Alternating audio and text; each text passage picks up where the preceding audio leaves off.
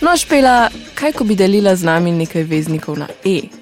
E in, e pa, e ko, e ter, eter. Lila se je pojavila v mojem življenju v prvem razredu osnovne šole. Nama je takoj naredila vtis s svojo predrznostjo. V razredu smo si vse veliko upale, a le kadar nismo bile na očeh učiteljice Olivierove. Lila pa je bila predrzna zmeraj. Nekoč je razcefrala pivnik, koščke je drug za drugega potisnila v stekleničko črnila, nato pa jih začela s peresom bezati ven in metati v nas. Mene je zadela dvakrat v lase in enkrat v belo uratnik. Učiteljica je zavreščala z ostrim, tankim, zategnjenim glasom, ki v nas zbujal strah in jo zakazom poslal stati pred tablo. Lila je ni ubogala in ni kazalo, da bi se kaj prestrašila. Še naprej je okrog metala s črnilom prepojene koščke papirja.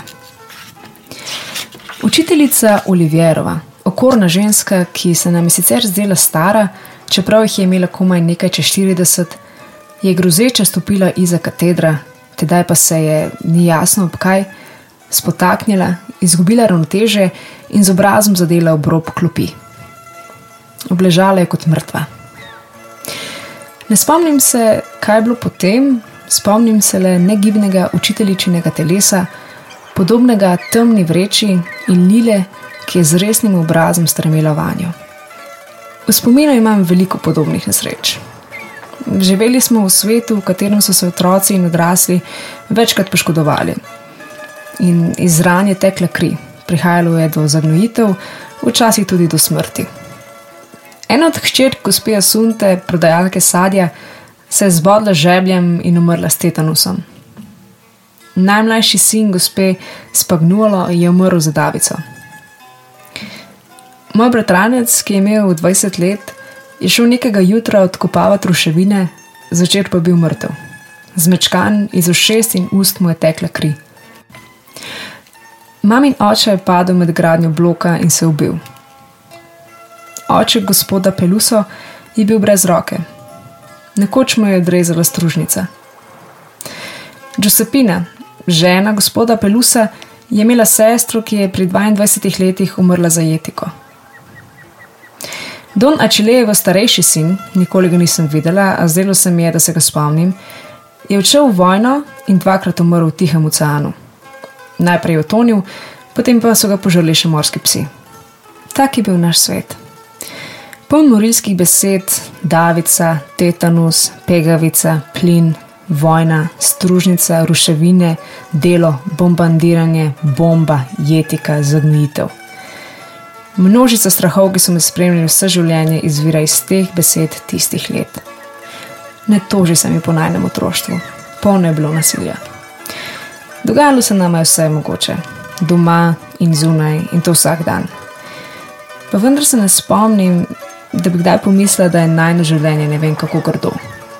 Bilo je pač kakršno je bilo. Rasli smo v nuji, da drugim otežujemo življenje, preden bi ga drugi otežili nama. Seveda bi mi bila ljubša obzirnost, to kakršni sta pridigala učiteljica in župnik. A zavedala sem se, da s tem v našem okolju nimaš kaj početi, tudi če si deklica. Ženske so se spopadale med sabo še bolj kot moški. Skakale so si v lase in se trpinčile. Prizadajati bolečino je bila bolezen. Ko sem bila majhna, sem si predstavljala, kako po noči k nam sosedsko lezajo majhne, skoraj nevidne živalce, ki prihajajo iz mlak, zapuščenih železarskih vagonov z nasipom, smrdljivih zelišč, ki smo jim rekli smrdulje, žab, močaradov, muh, kamenja, prahu in se selijo v našo vodo, hrano, zrak. One povzročajo, da naše mame in babice postajajo besne kot se stradane psice. Bile so okužene bolj kot moški. Te je res, da pogosto zgrabile jeza, vendar so se zmeraj pomirili.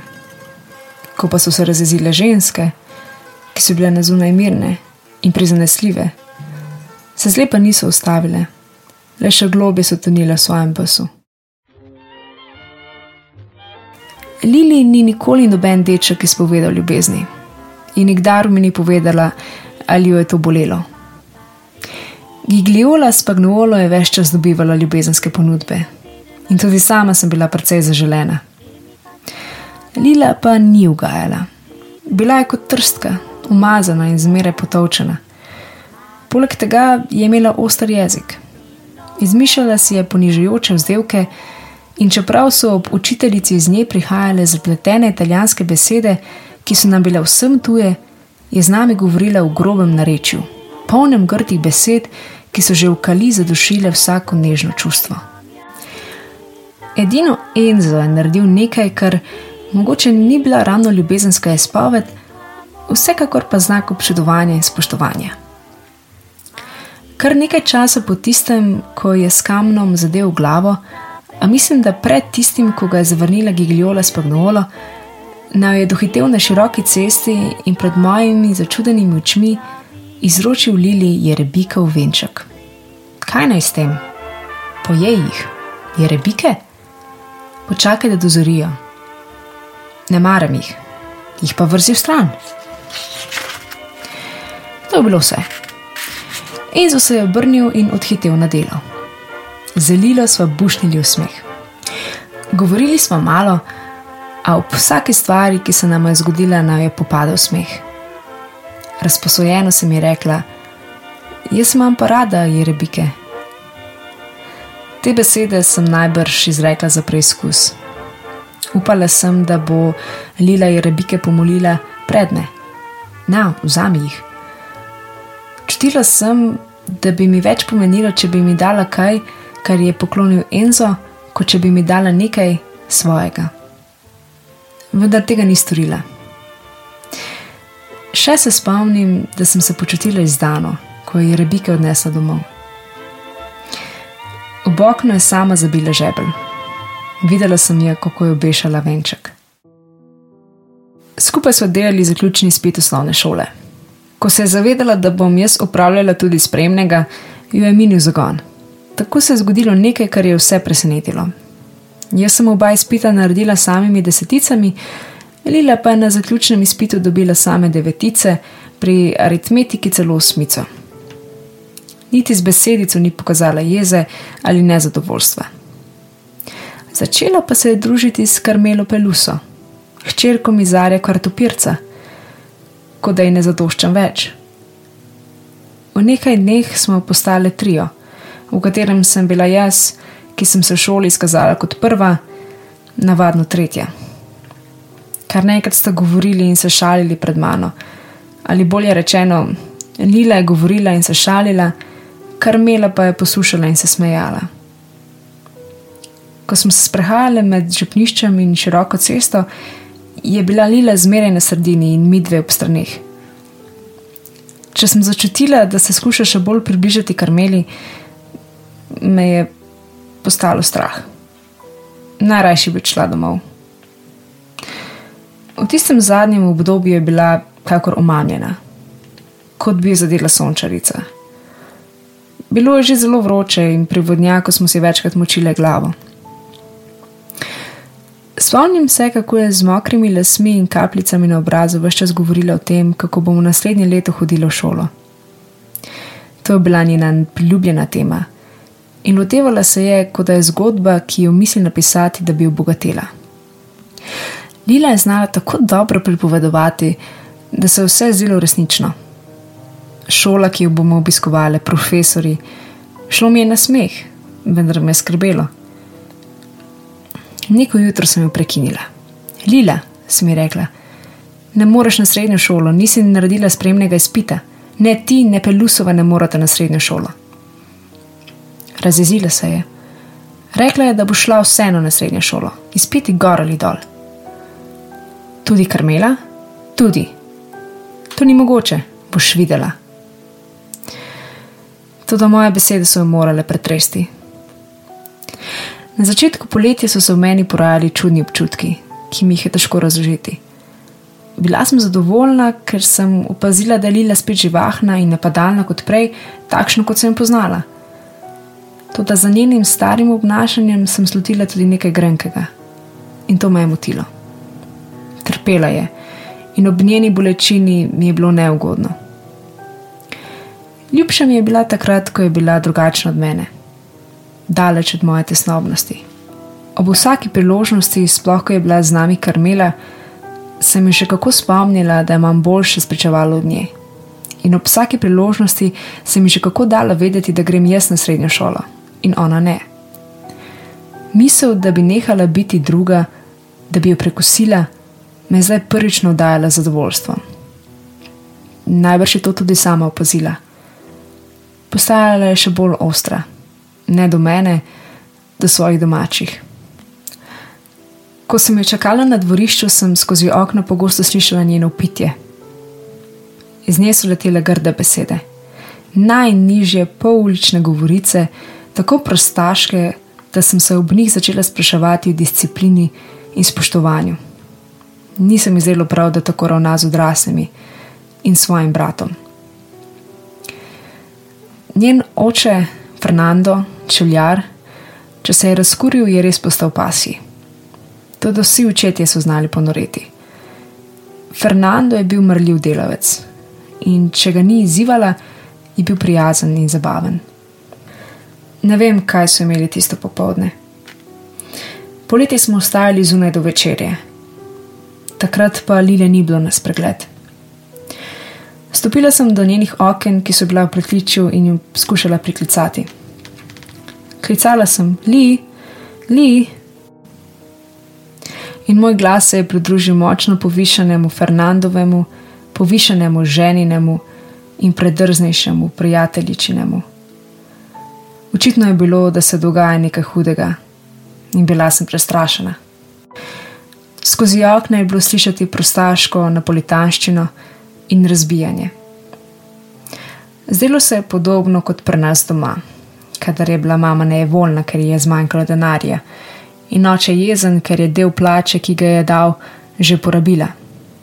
Toda tu je bila bistvena razlika. Moj oče je bes zadrževal, postal je tiho agresiven.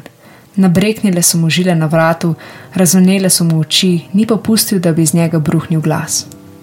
Fernando pa je pil in razbijal stvari, njegova jeza se je napajala sama pri sebi. Ni se znal zadrževati. Še naprej sem torej klicala Lilo, tudi zato, da bi izvlekla iz nevihte kričanja, preklinjanja in hrupnega razdajanja. Upila sem li, li, li, tudi ona, slišala sem jo, je še naprej zasipala očeta žaljivkami. Stari so bili deset let, malo nam je manjkalo, da jih dopolniva enajst. Jaz sem postajala če dalje bolj polna, Lila pa je ostajala majhna in suha, in njeno telo gibčno in nežno. Nenadoma je upitje vtihnilo. In nekaj trenutkov zatem je moja prijateljica poletela skozi okno, prešla mojo glavo in pristala na asfaltu za mano. Ostala sem odprtih ust. Na oknu se je prikazal Fernando, ki je še naprej kričal na ščirko in ji divje grozil. Zabrisal je, kot da je stvar. Prepadeno sem zrla vanjo, ko se je skušala dviniti in mi s pačenim obrazom skoraj v smehu rekla: Nič mi ni, pa vendarle je krvavela, zlomila si je roko. Res, ves preostanek šolskega leta Lila ni pokazala niti najmanjšega zanimanja za to, kar sem počela v šoli. Ko sem jo vprašala, katere knjige si izposoja knjižnici, kaj bere, je osorno odgovorila: Ničesar več ne izposoja. Od knjig me boli glava. Jaz pa sem se zdaj učila in brala že skoraj iz navade. A po tistem, ko me je Lila nehala spodbujati in vnaprej seznanjati s knjigami, sem si morala kmalo priznati, da sta šola in knjižnica učitelja Ferrara za me izgubili prejšnjo privlačnost. Ostali sta le še nekaj, v čemer sem bila dobra in zaradi česar sem prejemala pohvale. Večkrat se je zgodilo, da sem je na hodniku nasmehnil ali me celo ogovoril kak profesor iz oddelka liceja. Naprimer, neka profesorica iz prvega A, profesorica Galijanjeva, ki so jo vsi cenili in se jo vsi izogibali, ker je slovela kot komunistka in je znala z dvema stavkoma ureči vsako slabo temeljeno trditev, me je ustavila v avli in izrazila navdušenje predvsem nad osrednjo idejo moje naloge. Če je iz mest pregnana ljubezen, se vzračje iz dobrohotnega spremeni v zlo. Vprašala me je, kaj pomeni zate mesto brez ljubezni? Odgovorila sem: Ljudstvo, ki mu je odzeta sreča. Mi lahko poveš primer? Odgovorila sem: Italija pod fašizmom, Nemčija pod nacizmom, vsi mi ljudje v današnjem svetu. Z vse večjim zanimanjem je gledala vame. Rekla je, da zelo dobro pišem, in svetovala mi je nekaj knjig, in se ponudila, da mi jih lahko posodi. Na zadnje me je vprašala, s čim se ukvarja moj oče. In odgovorila sem: Vratari na občini. Tako je sklonjeno glavo odšla naprej. Prisluhnili ste odlomkom iz prve knjige Napelskega cikla romana Genialna prijateljica avtorice Elene Ferrante. la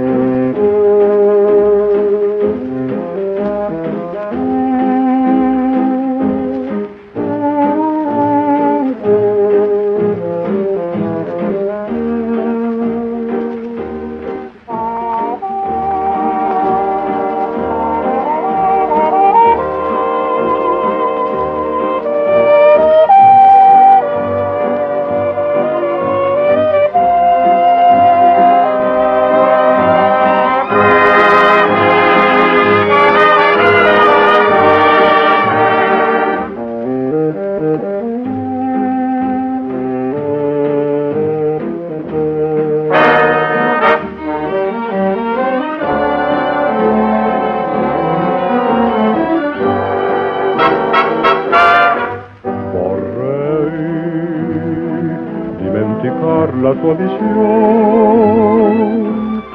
ma un incanto mi lega a te nella passione. C'è in te sottile ombra di mister che t'avvolge d'un fascinoso etereo vel.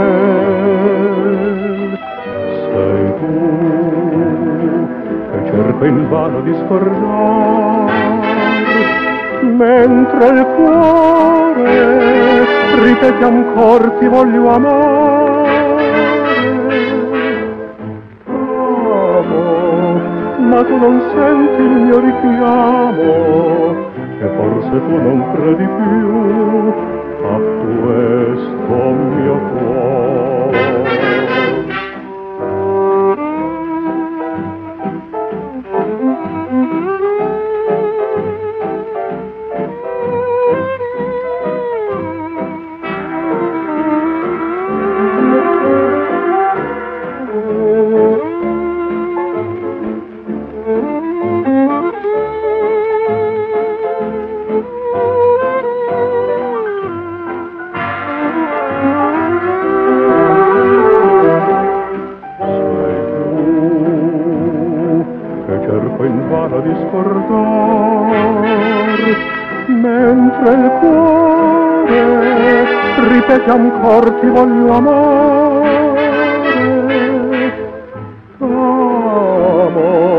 Ma tu non senti il mio richiamo, e forse tu non credi più a questo mio cuore.